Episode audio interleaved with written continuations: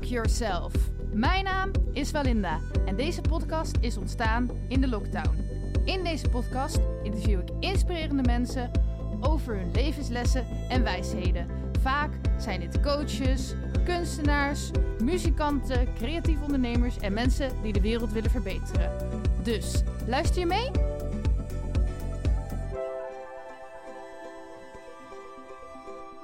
En vandaag heb ik niet één gast in mijn podcast, maar één, twee, vier eigenlijk als je de hond meerekent. Eh, en het zijn eigenlijk allemaal mensen die al een keer in de podcast zijn geweest, dit jaar. Want ik dacht, het is oud jaar, dus we gaan een beetje samenvatten op het jaar en toekijken naar nieuwjaar. En ik dacht, dat is leuk om in een groepje te doen. Dus vandaar ehm, dat we nu in een groepje zijn. Wie wil zich als eerste voorstellen? Tegelijk, ze zijn best heel stil. Nou, dat wil ik wel doen. Ja, Ja, natuurlijk. vertel. Ja, nou, René Hillenaar, bijna 59 jaar, volgende week woensdag. Eh, geboren in Leiden, maar eh, eigenlijk het langste in Ede gewoond. En eh, mijn beroep is uitvaartleider.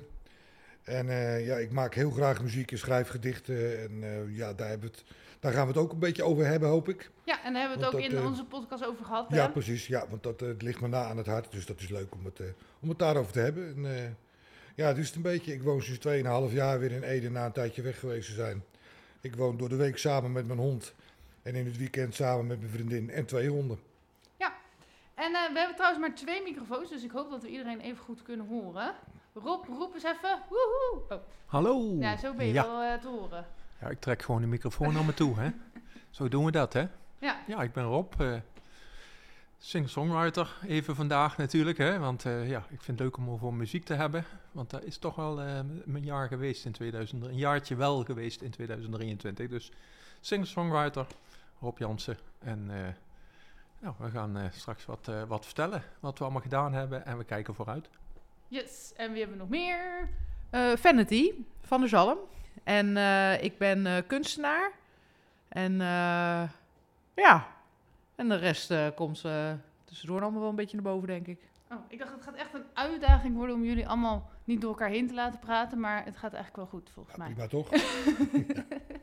Ja, nu nog, hè? Kom nog. Nou, ehm, wie wil nog iets vertellen over zijn kerst? Trouwens, er staat echt zo'n afzuiger aan. Dat is volgens mij van douchen. Op half uit moet zetten, maar goed. nou, zal ik als eerste wat over mijn kerst vertellen? Ja, Ik heb een rustige kerst gehad. De eerste kerstdag zijn we bij de zoon van mijn, van mijn vriendin geweest. In Os, dus ik moest helemaal naar Brabant. En daar hebben we met, eh, met haar familie eh, gezellig eh, gegeten. En iedereen had wat gemaakt. en nou, het was een hele rustige, genoegelijke avond. En tweede kerstdag ben ik samen met mijn vriendin gewoon lekker bij mij thuis geweest. Rustig gedaan. Echte kerstmaaltijd, nasi goreng. Dus eh was helemaal goed. ja. Is nasi goreng een echte kerstmaaltijd. nou, voor mij wel. Rob, nee, heb, ik heb- oh, Ik sorry. heb een leuke kerst gehad. Ja. Ja. Heb jij nog wat te vertellen over kerst? Je kan- want, Ja, kerst is natuurlijk altijd een, eh, een mooie, zijn mooie dagen, hè. Ja? Nee, want En, ik zat eh, opeens te denken, want het kan natuurlijk ook dat je misschien een hele saaie kerst hebt gehad. En dan, ja, dat weet ik niet, maar dat kan. Nee, nee, nee, ja, ik, ik, ik vind altijd kerst is toch, eh, en zeker dit weer hè, van, van afgelopen kerst, dat nodigt uit om lekker binnen te zitten onder de kerstboom. En dit jaar met cadeautjes, dus samen met mijn dochter. Nou, die eh, verkneukelt zich helemaal, want die ziet daar cadeautjes onder de kerstboom liggen, net, net echt. Hè? En eh, met dat weer buiten, regen sloeg tegen de ramen aan, ja, dan is het wel echt kerst, zeg maar. Dan eh, ben ik wel in, in mijn element, ja. Dus zeg nou, als het regent, is het? Als het buiten reed, ja, liefst sneeuw natuurlijk, maar ja, Ja. daar kunnen we al 25 jaar op wachten. Maar daar wordt, zit er misschien steeds minder in. Het zal nog wel een keer komen hoor. Mhm. Maar een beetje lekker binnen als buiten wat minder weer is. Maar goed, tweede kerstdag hebben we een lekkere wandeling gemaakt. Dat hoort er ook altijd bij. Dan moet je even naar buiten, uitwaaien noemen ze dat. Ook ze, eh, super gewoon. Ik ben tweede kerstdag helemaal niet buiten geweest. maar eh, vertel, Fenty, wil jij nog iets over kerst kwijt? Eh, nou ja, ik was gedeelte van de kerst ik bij jou, hè? Want eh Walinda is behalve eh, zangeres, eh, podcast queen en schrijfster eh, ook mijn eh, schoonzus Geworden. geworden. met, mijn, met mijn broertje. En eh, nou ja, was kerstavond eh, hebben we altijd, eh, dan treedt mijn vriend op. Hè? Die heb je ook in de podcast gehad, Lennart. Was met Ludde bij, bij de Sub. Dat was weer een feestje. En normaal gesproken, eerste kerstdag, spreken we eigenlijk helemaal niks af. Dan gaan we de hele dag een beetje lam op bed liggen. Even uitbrakken. Maar nu waren we eerste kerstdag 's avonds bij jou. En hebben we lekker gegeten, spelletje gedaan. Lekker, eh, jullie hadden lekker pizza gemaakt. En we hadden nog een voorgerechtje en een toetje en zo. Nou, lekker eten, ondertussen over poep praten. Dus, eh, heel, heel, heel gepast allemaal. Heel normaal. Heel Ja. normaal. En eh, ja, want mijn zusje die, heeft, die werkt in de zorg. En die werkt in, de- in de zorg en de GGZ, zeg maar. En die heeft af en toe echt van die hele smerige verhalen. Hè. Die, die maakt dingen mee. Ik denk van, hoe hou je het vol? Ja, maar dat zit ook wel gewoon bij jullie in de familie. Ja, om over altijd praten. over vieze dingen Ja, over vieze dingen en praten. Ja, grof. ja, grof en vies is het vaak. We kunnen, als het nodig is, kunnen we ons best wel gedragen in gezelschap. Maar als het niet nodig is, dan doen we dat ook niet. Nee. En eh, nou ja, tweede kerstdag was, eh, waren we uit eten met mijn eh, schoonouders bij Bloem in Ede. Pannenkoekenrestaurant, super lekker. Pannenkoeken, maar dan anders. Even reclame voor Bloem, aanradertje. Ede. Ede, Ede. Maar eh, eh, ja, dan, dan eh, met mijn schoonouders hou ik me wat meer in. Dat, je kan met hun ook wel grapjes maken en dat, maar dan let ik wel wat meer op wat ik zeg en zo. Ik denk ook niet dat ze hier naar luisteren, denk ik. Nou, Misschien ook wel. jouw schoonmoeder is toch fan van mij? Ja, ja, dat klopt. Mijn schoonmoeder is fan van Walinda. Die vindt, vindt haar liedjes mooi en de muziek. En die, vindt, die is helemaal ontroerd door Walinda. Ja, dat klopt. Dus misschien luistert ze ook wel mijn podcast, je weet het nooit. Ik denk niet eens dat ze weet wat een podcast is eigenlijk. maar ze heeft wel je cd gekocht. Dus, eh, Nou, dat is wel heel wat, toch? Ja. Hey, ja. Oké, nou, mijn eh, kerst was dus ook met jou. Oh, toevallig. ja, ik weet niet of je het ook had gemerkt. Nee, en eh tweede kerst gewoon bij mijn ouders. Dat is eigenlijk... Eigenlijk gaan we elk jaar gourmetten. Maar ik, wil, ik word altijd boos als we niet gaan gourmetten. Dus. Ja, is toch, eh, sommige mensen zeggen, oh, weer dat gourmet. Maar ik vind het altijd wel een leuke traditie. Lekker Ja. kleine vleesjes bakken en dan eerst zeuren over dat het te lang duurt. En daarna gaat het allemaal te snel en zit je propvol. Dat hoort bij kerst. Jullie mogen ook gewoon inbreken. Hè? Als je iets hoort van ja, ik heb ook gegourmet, dan mag je gewoon eh, gaan schreeuwen. Ehm, nou, eh, wie wil er zijn hoogtepunten noemen van de afgelopen jaren? Eh, nee, niet jaren, jaar van 2023. Of misschien één hoogtepunt. Nou ja, ik, eh, ik zei al van, eh, god, ik kijk echt wel op eh, 2023 heel goed terug. En hoogtepunt, ja, dat is toch wel, ehm, even praten het over mijn muziek, muziekontwikkelingen, zeg maar, is toch dat je op een gegeven moment in het buitenland aan het zingen bent, zeg maar. Ja, dat, dat is toch wel iets waar je door een grens heen gaat. Hè, als je lied, zelf liedjes schrijft, ja, je gaat eh, letterlijk en vuurlijk over de grens heen, maar je schrijft zelf liedjes. Ik schrijf al sinds mijn zevende liedjes. En eh, uiteindelijk eh, word je geselecteerd voor een songfestival in Italië. En ben je daar gewoon aan het zingen. En zijn er deelnemers uit de hele, hele wereld. het waren er 923. En dan word je uiteindelijk vierde, zeg maar, van deelnemers uit 30 landen. Ja, dat is echt een hoogtepunt. Omdat, en waar heeft dat mee te maken?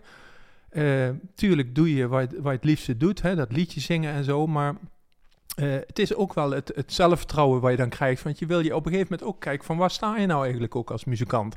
En dat heb je soms ook nodig. En daar hoef je niet meteen daarna hoog van de toren te blazen. Maar het is wel leuk om een keer eh, ja, gewoon eens te kijken en aan zo'n competitie mee te doen. En waar sta je dan? En, en, en de feedback te krijgen, want je leert er ook een hele hoop van. En dat was voor mij echt een hoogtepunt dat dat dan zo mooi, mooi liep in Ja. het buitenland. Dat was in leuk. Italië, toch? Was in Italië, ja. Ja, ja, wel in Sanremo.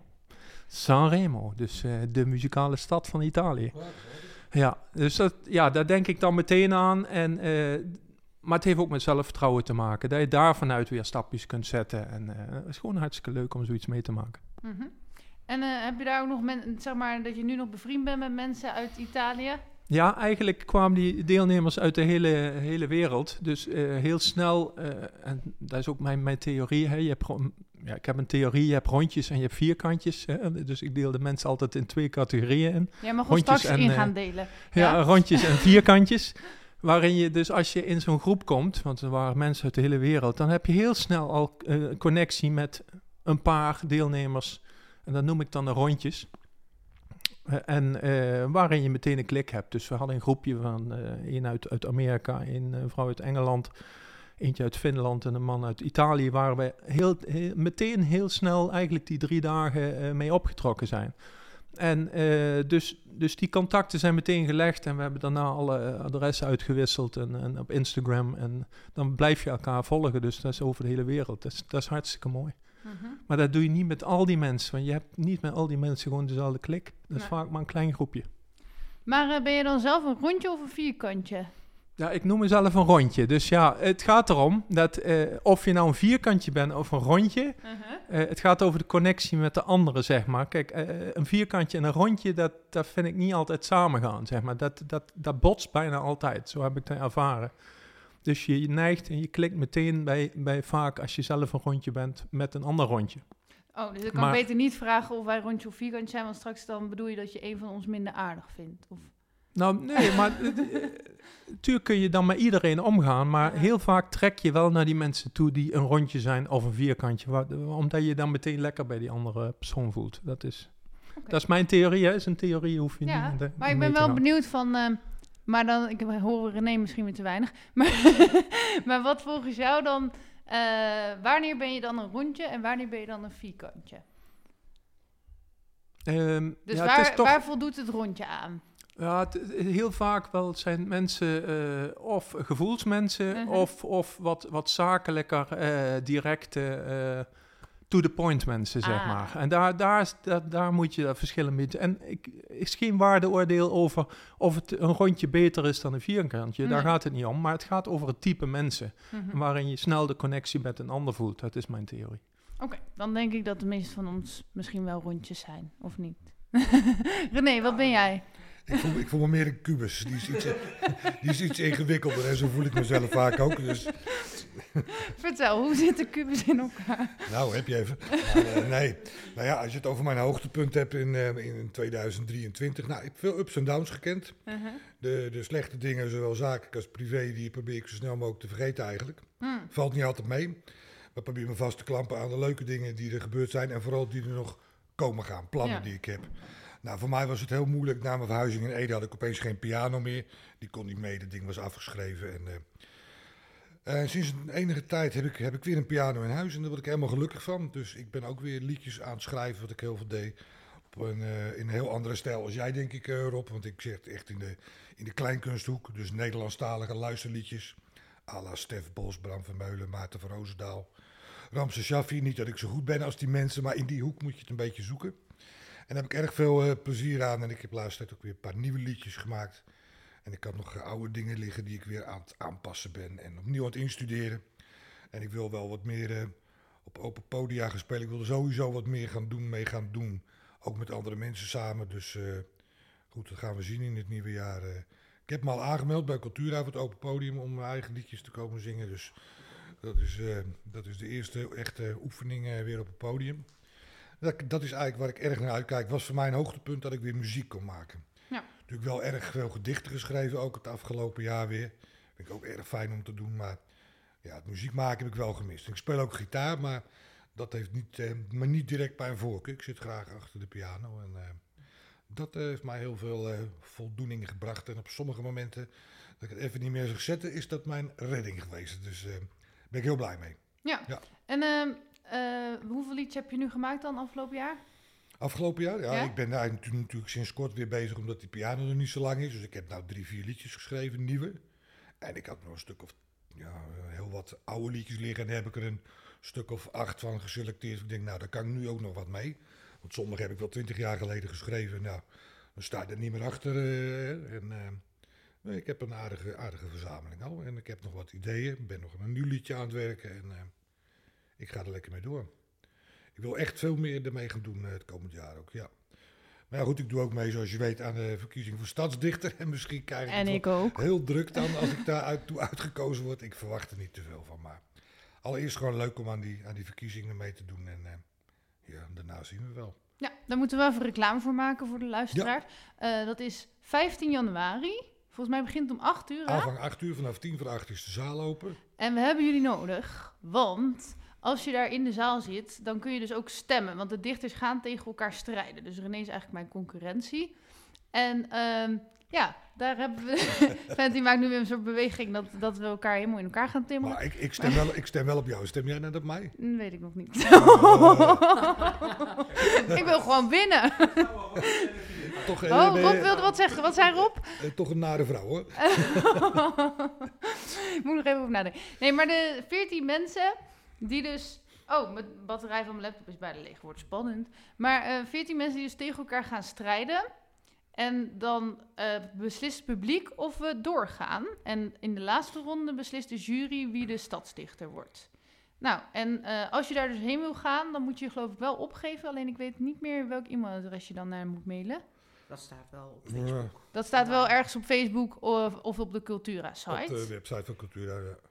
En als je dus wint, dan word je de stadsdichter van Ede. En dan eh, mag je dus op bijzondere gelegenheden allemaal gedichten voorlezen voor de gemeente Ede. Ja, en als ze zegt dat ze gaan strijden, ze gaan niet eh, als gladiatoren met de bijlen en zwaarden. Ze gaan gewoon gedichten voorlezen. Dus het is geen brood en battle. spelen. Oké, ik moet even ondertussen eh, de oplader aansluiten op mijn laptop. Dus dan mag jij vertellen wat jouw hoogtepunten van het jaar Ik, ik waren. had nog één Oh, hoogtepuntje. Mag het even? Heel Nee, kort. Heel jawel. kort. Heel kort. grapje. Ja, heel kort. Nee, ik heb, ik heb de omstandigheden een tijd lang geen eh, contact met mijn oudste dochter gehad. Mm. Dat is dit jaar hersteld. Oh, En dat gaat heel erg goed. En ik zie dus ook mijn kleindochter en zo. En dat is hartstikke fijn. ja. Dat is eigenlijk nog belangrijker dan al die plannen over muziek ja. en gedichten. Dus eh, ja, moet ik toch even vermelden. Ja, dat snap ik. Dat is heel fijn. Ja. Nou, Valentin, mag jij even los? Ik ben ondertussen allerlei dingen aan het doen. Dus als je me niet meer hoort, doei. Doei, doei, later. Nee, eh, ik ben, eh, oh, oh ja, dat rondje viertje krantje verhaal. Ik ben een octagon, denk ik. Octagon ben ik. Ga lekker een beetje, een beetje rond, een beetje hoekig. Maar eh, hoogtepunten van dit jaar is denk ik dat ik met mijn vriend naar Parijs ben geweest. Daar was ik nog nooit geweest. En hebben we allemaal hele mooie dingen gezien. En eigenlijk het mooiste in Parijs vond ik Père Lachaise, als ik het goed zeg. Dat is die hele beroemde begraafplaats waar ook Jim Morrison en Chopin en Edith Piaf en zo liggen. Maar dat vond ik echt gaaf. Het was een, een begraafplaats zoals dat in Nederland heb ik dat nog nooit gezien. Het is echt, eh, het is echt gewoon een soort eh, kunst waar je doorheen wandelt. Allemaal van die hele mooie graven en tombes en zo. En het is dan heel mooi, maar het is ook een beetje creepy en overal kraaien. En eh, ja, dat is heel tof. En sowieso Parijs heel tof. En we zijn naar Disneyland geweest. En dat was super gaaf. Ik had niet verwacht dat ik het zo leuk zou vinden. En ik had gratis tickets voor Disneyland. Kijk. Die had ik eh, gekregen van iemand een aantal weken voordat we naar Parijs gingen. Die heb ik ontmoet in de kroeg. Gewoon bij een da- dansavond in de kroeg. En het was een hele aardige, hele aardige man. En op een gegeven moment dacht ik nog van... oh, zou die me dan leuk vinden of zo? Wil die wat? Maar nee, eenmaal niks. Op een gegeven moment raakte met hem aan de klets. En we kwamen er zo achter dat hij werkt voor Disney. En hij zegt van, eh, ik mag... eh, nou, toen kwam het te sprake dat ik bijna naar Parijs ging. Hij zei, wil je de kaartjes voor Disney? Ik zeg, zit je me nou in, de- in de maling te nemen? Hij zegt, nee, ik meen het. Hij zegt, ik vind je aardig. En dat is een voordeel als je voor Disney werkt. Dan mag je elk jaar een paar gratis kaartjes weggeven. Kijk, dat zijn de betere ontmoetingen. En ja, precies. En hij zegt voor jou. En hij wist dat ik met mijn vriend ging. Voor, kunnen jullie lekker met z'n tweeën naar Disney? Dus ik heb gewoon twee gratis Disney-tickets eh, gekregen. Ik ben ook echt gratis het park in geweest. Nou, was echt. Nou, was echt. Ik voelde me echt een kind. Echt fantastisch. En. ehm ander hoog, hoogtepunt was dat ik met de Edese atelierroute heb meegedaan. Met onder andere Romy Zuidveld. Die heb je ook in eh, de podcast gehad. nichtje. Mijn nichtje. Mijn nichtje. Die is fotograaf. En met eh, Manon Cornelissen. Die eh, schildert. Hebben we met z'n drieën op, in de fotostudio van mijn nichtje. Hebben we expositie gedaan. En dat was dan een expositie door heel Ede heen. In verschillende ateliers en bij mensen thuis. Ja, en dat was hartstikke leuk. En dat was gruwelijk druk. Ik was al blij geweest als er tien mensen waren gekomen. Maar er waren echt eh, in twee dagen tijd eh, ruim 220 mensen. Dus eh, ja, dat vond ik, ook, vond ik ook wel leuk. Ah, geweldig. Heb je atelier aan huis? Of, eh? Nee, nee, heb ik niet. Uit- Nee. Aparte plek. Ik heb, nee, ik heb sowieso eigenlijk niet echt een atelier. Ik Oké. exposeer wel eens, maar dat is altijd ergens anders. Ah, ja, ja. Dus en soms is het echt iets met de, de dingen van mezelf. Soms is het een expositie waar meerdere mensen aan meedoen. Zo echt een atelier zelf heb ik nog niet. Misschien Waar in de je toekomst. dan met die, met die route? In de fotostudio van mijn nichtje. Dat Oh, is op, eh, op ja. de Oranjelaan 7, Nymphea Fotografie. Ja. Eh, de meest creatieve fotograaf van Eden. Kijk op haar website voor meer informatie. Romy Zuidveld. Dus even reclame voor de gemaakt. En, eh, maar ehm, ja, dat was hartstikke leuk. Daar hebben we gewoon die hele studio leeggetrokken. Alle spullen eruit en gewoon een expositie ingericht. Er komt best wel veel bij kijken nog. Daar hebben we best wel veel tijd en energie eh in gestoken. Maar dat, ja, dat was heel erg leuk. Dat was, eh, was ook wel een hoogtepunt. Ja, en ook nog wel wat andere expositiedingetjes meegedaan en zo. Maar eh, ja, en ja, verder allemaal allerlei leuke dingen gezien en gedaan en zo. Maar qua echt grote hoogtepunten denk ik dat dat wel, eh, dat ze wel waren, zeg maar. En daar waren Rob en ik bij, want wij mochten optreden op die expositie. Rob, je mag gewoon Ja, praten, dat, was, dat was hartstikke leuk. Ja. Dat was, dat was heel mooi om dat muzikaal te, te ondersteunen. En, en dan zag je ook hoeveel die mensen daar binnenkwamen. En dan alles gingen bekijken en ook genoten van de muziek. Dus ja, dat was hartstikke leuk om te doen. En eh, toen zag ik ook dat het eh, echt heel goed aansloeg, die, eh, die expositie. Dus eh superleuk. Over mijn hoogtepunten gesproken. Ik vond eigenlijk bijna alle optredens die wij hebben gehad wel hoogtepunten, Rob. Oh, nou, dat is leuk hoor. leuk om te horen. Hè? En, eh, en, en ik ben natuurlijk op vakantie geweest met Paul naar Italië. Vond ik ook wel echt, eh was heel mooi. En daar heb je ook hele grote hooggraven. Ja. Ja, en Rome zijn jullie ook geweest, hè? Ja. Ja, ik ben ook eens naar Rome geweest. En van de stedentrips die ik heb gedaan, moet ik zeggen dat ik Rome ook wel echt het mooiste vond. Ja, die dag dat wij in Rome waren, toen waren we al zo moe van alles wat we hadden gedaan. dat we niet zo heel veel van Rome hebben gezien. Nee. Maar je, hey, je bent er hiervoor geweest. Als je het ergens voorbij ziet komen op televisie, zeg je, was ik? Ja. Was ik? Ik vond, ik vond het wel leuk dat wel in het verhaal over Pompeii, daar, daar heb ik wel een beetje om gelachen. Want dat was volgens mij jouw grote droom om ooit... Nou, vertel maar. Ik, Nou ja, ik was, dat is eh, te acht. mooi om niet... eh, niet te, hè? Ik was acht of zo en ik zag in mijn aardrijkskundeboek, het was aardrijkskunde, ik weet ook niet waarom, daar stond Pompeii. En dan zag je allemaal versteende ehm, kinderlijkjes. Ja, nou, ik weet niet of het kinderlijkjes waren, maar... Ja, en wie droomt er nou niet van versteende kinderlijkjes? Mooi! Ja, ja, dat was zo... In ieder geval, al die mensen die onder die vulkaan waren gekomen, die zag je in dat boek. Dus ik dacht van, oh, daar wil ik heen. Ik wil dat zien, dat al die mensen zo onder de lava liggen. Nou, en toen was dus eindelijk mijn droom uitgekomen dat ik naar Pompeii mocht. En toen waren er helemaal nergens kinderlijkjes. Ah, boe, geen kinderlijkjes. Ook geen volwassen lijkjes Dus trouwens. toen viel het heel erg tegen. Of Ja, wat, het was, eh, ja, het was gewoon een beetje een startje. Ja, er was niks, er was niks aan, zei je. Ja, je, je verwacht ook als je die foto's en ook docu, eh, documentaires en zo erover ziet, dan denk je van, oh, dan kom je daar en dan zie je, heb je echt huisjes waar je in kan, waar die mensen nog zo liggen tegen elkaar Ja. aan, waar ze zijn vergaan onder eh, de, de, de, de, de as en de weet ik veel wat, maar dat is dus gewoon nou, ja, je hebt wel huisjes, maar niet meer mensen die onder de as liggen. Nee. Nee. Ja, je had alleen, wat zei je, ge- ergens op een plek dat ze een paar in een vitrine lagen. Ja, en dan hoorden we later dat die ook nep waren. Oh. Dus het was gewoon nep eigenlijk, hè? Die, eh, die, dat bezoek in ieder geval. Eh, nou ja, dus Dus, Pompeii jij, was dus wel jij, bent, jij bent bereid om een heel eind te reizen om je te laten bedonderen. Dat, eh, ja. Dus, maar ja, het is ook wel een beetje raar dat ik, dat ik iets heb met doden. Ja, maar ik dacht gewoon van. Als het onder de lava ligt, dat vind ik dan zo bijzonder of zo. Dat je Ja, nee, maar dat is niet raar. Het is Ja. niet voor niks een, echt een, een, een bezienswaardigheid. Het is net als dat ik dat kerkhof heel erg mooi vind. Mhm. En dat wat jij, ja, natuurlijk, dat is dus iets interessants. Hè? Het is, laat maar zeggen, mensen die weet ik voor hoe lang geleden hebben geleefd, die al lang vergaan zouden zijn, daar waar er dan toch nog een stukje van te zien is. En, en hoe ze de, hun laatste moment hebben ge- ge- gelegen. Dat Ja. is heel erg interessant natuurlijk. Ja. Ja. Dat is wel mooi om te vertellen. Mhm. dat verhaal over Père Lachaise. Als Jaren geleden, misschien wel twintig jaar langer geleden, toen speelde ik altijd met een maat van mij eh, op straat. In, eh, onder andere in verschillende steden in eh, Europa, onder andere in Parijs. Veel gespeeld. Maar ja, toen moesten we natuurlijk ook overnachten. En soms ja, lukte dat niet, omdat we afgesproken hadden dat we, hè, eh, als we dan ergens zouden spelen, zouden eten. En het liefst natuurlijk ook overnachten van wat we verdienden. Maar dat was natuurlijk niet altijd makkelijk. Dus op een gegeven moment speelden we dan ook in de, in de omgeving van eh Père Lachaise. De hele dag gespeeld, eh, de vingers blauw gespeeld, lukt allemaal niet. Dus toen eh, moesten we toch ergens overnachten en dat was dus bij Père Lachaise. Dus ik kan helemaal indenken wat wij toen, want het werd donker natuurlijk. En dan gingen we dat Père Lachaise op en al die imposante dingen, luguberheid ten top. Want het Ja, was en Jim heel dan, Toen hè? kwam wel Jim Morrison eh, het graf tegen. Dus dat was ook wel voor onze muzikale, muzikaliteit natuurlijk een super eh, boost. Maar die, die sfeer daar, dat, ja, dat vergeet ik ook nooit meer. Dat was echt heel creepy. Ja. Maar had je, toen jij daar was, hè, stond het boegbeeld er toen nog op van Jim Morrison? Want nu dat graf is er nog wel, maar er stond zo'n boegbeeld op. hè? Nee, nee. Die is weg. ja, volgens mij was die toen al weg. Ja, Oh, ja. Maar het was wel iets wat, ja, dat spreekt dan tot de verbeelding. Hè? Dan gaat zoiets, zo'n zo'n legende, die komt tot leven. Ja, eigenlijk tot leven is een graf, maar het, het is toch wel iets wat je dan eh, raakt, zeg maar. Dat is eh, ja, iets anders dan eh, Pompeii. Ja.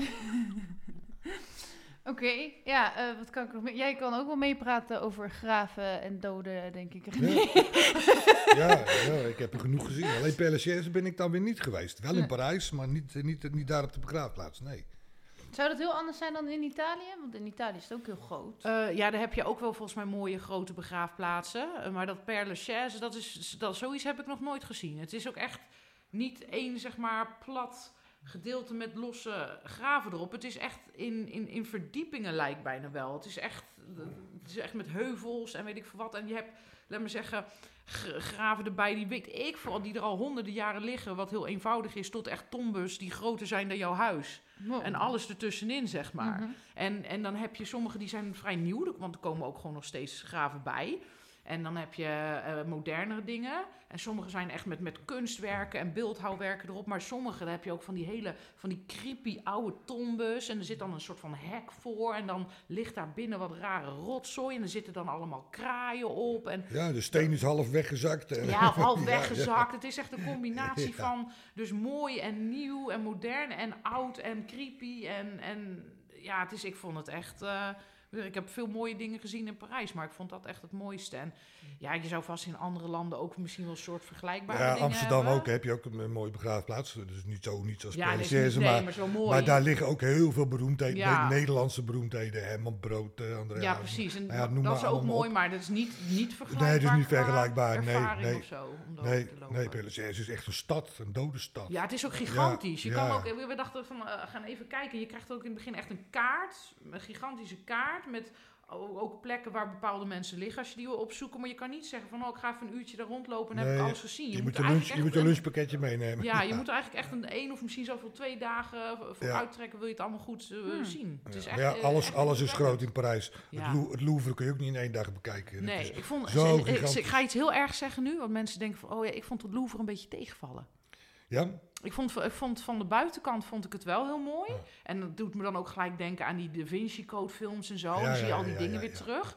Maar het Louvre zelf daarbinnen...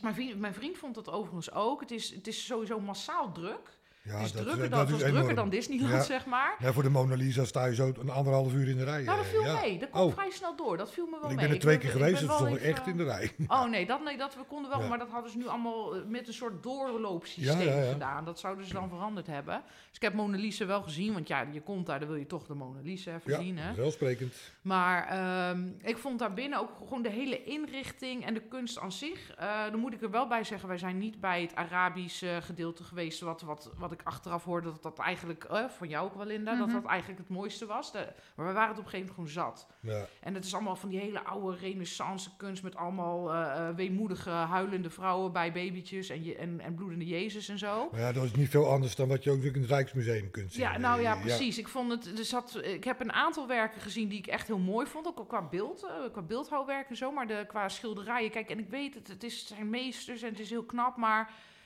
ik had bij maar weinig werken dat ik dacht van, oh, dit doet me echt wat. Ja, oké. Dat, nee, dat had ik daar. eh, nee, dat vond ik. Ja, dus, ja, het is heel erg wat ik nu zeg misschien. Maar Nou, nee, waarom? Dat is jouw mening toch? eh, Ja, ik was lijken. dus ook nog naar een optreden van Stef Bos geweest. En dan denk je, wat heeft die ermee te maken? Maar die vertelde ze in zijn show ook over het Louvre. Dat hij daar was met zijn kinderen. En dat hij er echt helemaal geen hol aan vond ook of zo. Of ik weet niet of die dat nou zijn. Maar in ieder geval hadden ze toen... Ook een tegenvaller in ieder Even geval. denken. Of was het nou andersom? Dat die Disneyland juist niet leuk... Nou ja, in ieder geval precies Volgens op mij het moment... zei jij, heb jij dat wel verteld? Ja. Volgens mij vond hij juist het Louvre wel mooi. Oh ja, sorry. Dan weet ik... Maar het was in ieder geval... Het was in ieder geval heel grappig dat precies op het moment dat jij daar was, toen wa- was ik bij Stef Bos en die Ja. was helemaal over Parijs aan het vertellen en ook over de Mona Lisa. Dus dat was wel heel grappig. Ja. Maar goed, had je bij moeten zijn. ja. Hoe, hoe was dat concert? Want ja, ik ben ook grote fan van Stef Bos. Ik heb hem best veel live gezien. Maar eh, Maar ik vind Hoe, eh, Stef hoe Bos vond je hem? altijd leuk. ja, is prachtig. Ehm, en eigenlijk is het nog best wel bijzonder van wat is er dan zo leuk aan Stef Bos? Want eigenlijk is het natuurlijk, sorry met alle respect, maar gewoon een oudere man die daar een beetje zit te pingelen en te zingen. Dus wat, is dus wat is er nou zo leuk aan die man? Ik weet het niet. Er zit echt een bepaalde... Ja, maar het zijn toch de teksten wel. Nee? En zijn Ik, ik, stem is magisch. Ja. Jullie hebben het over, hè? jullie gaan eh, deelnemen aan het stadsdichterschap. Maar ik, Mhm. die, die, die zin die hij gemaakt heeft van... Was ik maar een dichter, dan kon ik dichter bij jou zijn. Ja, dat vind ik prachtig. Dat vind ik echt prachtige kunst. Dus ik denk dat het gewoon in die teksten van hem zit. eh. en maar- natuurlijk de muziek. Mhm. eh, maar vooral die, die, die dubbele bodems, die, die teksten waar je toch net even denkt van... hey, dit is echt mooi gevonden. Ja, en ook wel ehm, ze, gewoon zijn stem zelf ben ik ook wel heel erg fan van.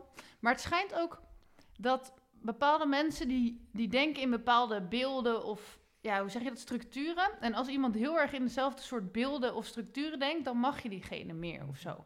Dus waarschijnlijk denkt hij een beetje hetzelfde als ik. Ik weet het niet. Ja, en als een heleboel andere mensen, want hij is natuurlijk wel waanzinnig populair. Ja. Het is altijd uitverkocht waar je ook naartoe gaat. Dus, eh, maar heb jij hem in Veenendaal gezien toevallig? Nee, het was helemaal in Winterswijk. Want eh, ja, mijn vriend had Ja, kaartjes ik heb hem in gekregen. Veenendaal twee keer gezien Ja. ook. En dat is wel heel extra leuk, want daar komt hij vandaan. Hè? Mhm. En dan zit er een hele zaal vol bekenden en dat is allemaal grappen en dingen. Dat eh, vond ik ex- extra leuk wel, ja. Ja. Ja, ik vind hem hartstikke goed. Ik ook. Maar jij, ben- jij bent niet echt Stef Bos fan of Ik wel? vind, ik vind het wel goed. Ik ben niet, niet eh, fan van hem. Dat, kijk, stel je voor iemand zou zeggen van... hé, hey, ik heb een kaartje over van te- voor Stef Bos. Ja, tuurlijk ga ik graag mee. Maar ik ben niet zo'n soort fan dat ik daar van, echt heel erg van heb gedroomd om naar Stef Bos te gaan. Nee. Ik heb dat dan meer met Clouseau. Daar wil ik graag nog wel een keer naartoe. Oh ja.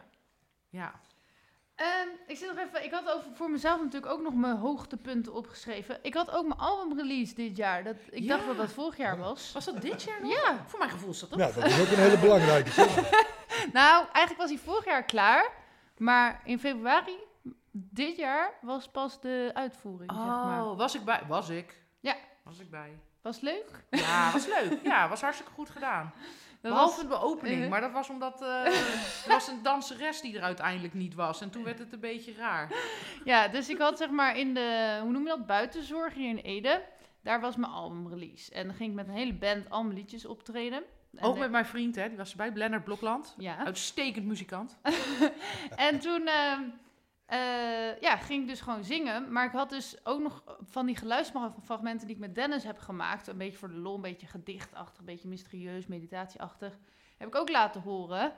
En toen was er eentje en die was dus een beetje zweverig. Maar dan wilde ik een danseres op laten gaan dansen. Maar die danseres kwam niet opdagen. En dat was eigenlijk de opening. Oh, dat is wel stom. Dus toen dacht ik, ja, wat moet ik nou doen? Dus toen heb ik gezegd, nou mensen, gaan jullie er maar op dansen. Alleen het was echt een heel Ja, rustig, mediteren. apart, mediterend Dus muziekje. Dus ik stond daar een beetje als een soort zweverige, rare vrouw. Daar voor het publiek. ja, was niet Ja. echt... eh, maar... Maar buiten dat om Ja. was het echt een hele leuke opening. Het was ook goed bezocht. Het, waren, waren, het was een leuk, leuke ruimte. Het klonk allemaal goed. Het ging allemaal hartstikke leuk. Ja, ik vond het, eh, dat je dat hartstikke goed in elkaar hebt gezet allemaal hoor. Superleuk. Ja. Ja, tof. Maar waar heb jij je muziek opgenomen? Eh? op verschillende plekken. Ehm, dus eigenlijk ook hier, want Ja? Theo, eh, dat is dus eh, een van de producers, die had hier al zijn spullen staan. Dus hier hadden we een studio. een gedeelte bij Peter Witjes in Studio Cultura. En een heel klein gedeelte bij Odette, dat, die woont ergens bij Vught. Daar heb ik ook nog twee liedjes opgenomen. Oké, nou ja. En dan met allemaal verschillende muzikanten. Mogelijkheden genoeg in ieder geval. Ja. Ehm, maar ik ben wel blij dat het eindelijk af is. Want ik heb dus iets van vijf jaar over het album gedaan. Dus Wow. dan ben je wel blij als het een keer klaar is. Ik ben al 25 jaar bezig met mijn album. Dus, eh, Oh. Oh, oh, is vijf jaar is niks. Nou, dan zit je er nog best relaxed bij. Ik werd echt nou, ja, gefrustreerd. Ja, maak me ook niet druk erop. Maar we, eh, Rob en ik hebben dit jaar ook nog een liedje gewoon spontaan gemaakt eigenlijk. Oh ja, die is mooi. Ja. Sowieso is het grappig hoe Rob en ik hebben- elkaar hebben leren kennen. Dus ik kende hem natuurlijk, of mag ik dat niet zeggen, eh, al een beetje van een bepaald tv-programma. En, en toen kwam ik hem tegen bij poppodium als strand. Dus ik herkende hem. En toen sprak hij mij aan eigenlijk. En toen dacht ik, oh, die is ook wel leuk voor mijn podcast. Dus toen kwam die in mijn podcast. Nou, toen hadden we gelijk eigenlijk ook wel een goede klik. En toen hebben we dus samen een liedje gemaakt, opgenomen. En daarna zijn we ook, eh, hebben we meerdere optredens samen gehad. Dus dat vind ik wel heel bijzonder Ja, hoe zoiets kan ontstaan. Ja, dat was gewoon heel mooi, hè? Dat, dat, dat je elkaar dan zo ontmoet en in een strand, hè, met heel veel eh, bijeenkomsten voor, voor eh, muzikanten. Heel inspirerend. En dat je dan gewoon eh, ja, samen eigenlijk muziek gaat maken en eh, eens kijken wat er dan ontstaat. Ja, dat is gewoon prachtig. En dan samen ook zo'n zo'n nummer maken en, en eh, opnemen. Ja, is gewoon hartstikke mooi, denk ik. Super. Hoe- Hoe heet het nummer wat jullie samen hebben opgenomen? Dan kan ik het even luisteren thuis. het heet eh. Door jou heen schijnt de hemel. En je kan het dus vinden op Spotify. Oké, ik ga hem Ja. thuis luisteren. Oké. Ehm, ja, dan gaan we nog meer bespreken. Ehm, mm, mm. Oh ja, ik wil nog wel even over de podcast trouwens. Ja, wil iemand nog over zijn podcastervaring trouwens iets, iets zeggen? Dat je dacht van, oh, dit doe ik nooit meer. Of ik ben er heel tevreden over. Of ehm, hoe mensen reageerden. Nou, ik had, het, ik had het nooit gedaan. Dus natuurlijk wist ik wat een podcast was, maar ik had het nooit gedaan. Dus Mhm. ik vond dat wel heel mooi. En eigenlijk, eh, maar dat had meer te maken ook hoe jij gewoon uit de losse pols de vragen stelt. En eh, dus dat je gewoon op je gemak bent. Maar als je dan, eh, ja, daar hebben best veel mensen teruggeluisterd, ook degene die ik ken. En ik heb het ervaren als dat ook echt iets vastgelegd wordt. Want je vertelt eigenlijk een soort levensverhaal, zo noem ik dat, hè, van een bepaalde periode of, of wat langer. En daar vertel je gewoon. En daarmee is het ook meteen vastgelegd. En ja, heel veel verschillende mensen heb ik ook wel eens gezegd van, nou, eh, luister hem maar. Of, eh, want dan leer je me ook iets beter kennen. Want eh, ja, je legt het toch vast, vond ik echt heel verrassend.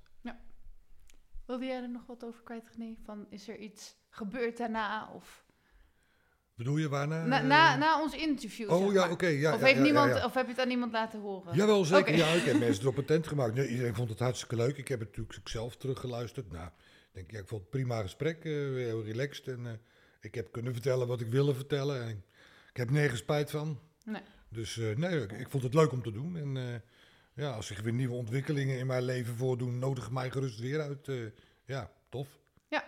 Want ik hoor ook wel eens ehm, bijvoorbeeld eh Charles, dat is eh, de man waar ik een hypnoseopleiding heb gevolgd. Mhm.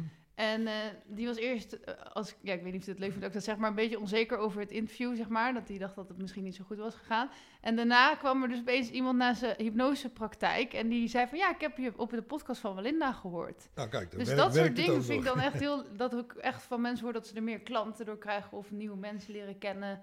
Ja, dat vind ik wel toffe Ja, situaties. absoluut.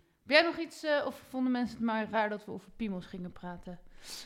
Ehm, nou, ik denk dat er sowieso meer over piemel... Nee, grapje.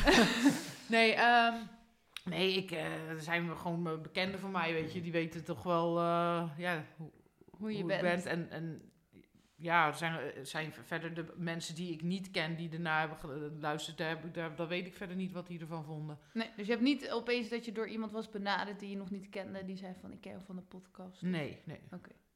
Niet dat ik weet in ieder geval. Nee. Allemaal nieuwe stalkers erbij. ja, ja, nee. Oké.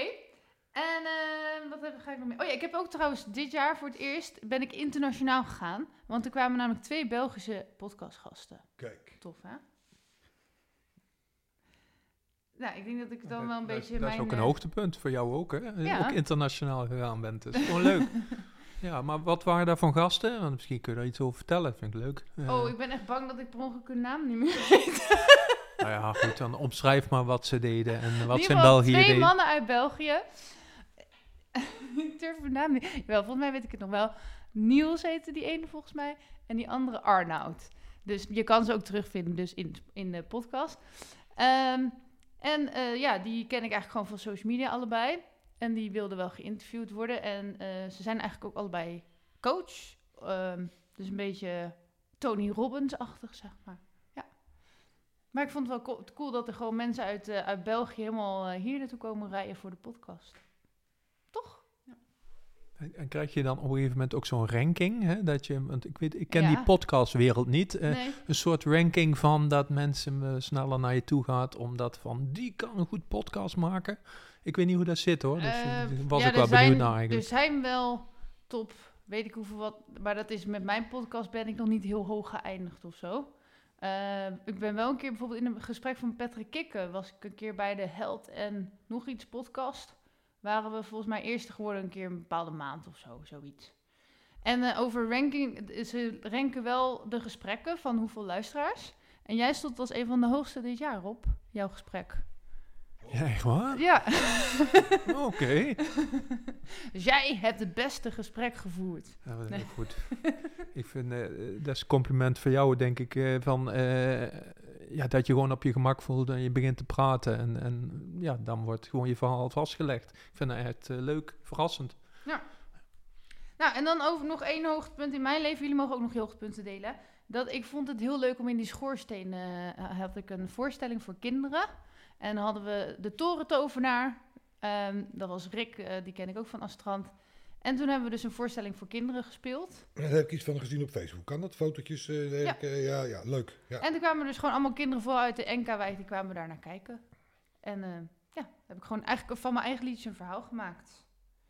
Maar, wie, wat zijn jullie doelen voor 2024? Vanity kijkt heel eh, bedenkelijk. Je kan ook gewoon zeggen, geen doelen. Ja, nee, ik heb natuurlijk ik heb wel doelen. Maar eh, ja, met een hoop dingen heb ik nu ook zoiets van, ik kijk wel even. Ja, ik, eh, ik weet al, altijd die doelen en eh pff, soms eh, een beetje doelenmoe, weet je wel. ik moet altijd maar een doel hebben, ik moet dit, moet dat. Ja, ik weet niet. Ik, Geen doelen hebben kan ook een doel zijn. nou, het is niet dat ik helemaal geen doelen heb, maar ik wil me er niet meer zo heel strak op vastpinnen van. Want als het dan niet lukt of zo, dan, oh, dan heb je je doel niet gehaald. En dat is dan erg of zo, weet je wel. Ik wil een beetje bepaalde dingen die ik denk van, van iets waar, waar ik echt wat mee kan. Maar sommige van die, soms van die doelen die je voor jezelf stelt en dan wordt dat alleen maar een soort van... eh, Ja, misschien moet je het geen doel noemen, maar gewoon dingen die je graag wilt. Toch? Ja, graag ja. zou willen. Nou ja, kijk, en kijk, een beetje doelen hebben is wel goed, want dat is dan ook wel weer motivatie en drijfveer om dingen te bereiken. Want Ja. helemaal doelloos zijn, dan ga je ook niet vooruit misschien. Maar ik weet niet, ik, eh, soms dan heb ik een beetje te- tegenwoordig in die tijd, je moet zoveel. Alles is een doel en je moet dingen bereiken, je moet goed, en je, je moet ook alles tegelijk kunnen. Je moet en een carrière hebben en een gezin en je moet Ja. dit en dat en dat, dit doel, dat doel. Dan denk ik van, ja, maar dat kan toch niet allemaal, joh. Ja, en het is ook wel, ja, hoe zeg je dat? Het kan heel veel druk geven, van, eh, op, of dat je er ook niet meer van geniet, zeg maar. Ja, nou ja, Ja, maar dat, dat kan ook het doel zijn, hè? selectief zijn, dingen van je lijstje schrappen. Ja, Weet je, ja, ja. Alleen dicht bij jezelf blijven en wat wil ik nou echt? Daar ga ik me op richten en de rest schuif ik lekker aan de kant. Ja, precies. Ja. Ja. Ja, want we moeten inderdaad veel te veel in deze wereld. ja. Rob wil volgens mij ook wat. aanvullend. Rob heeft een doel. Aanv- Nee, aanvullend.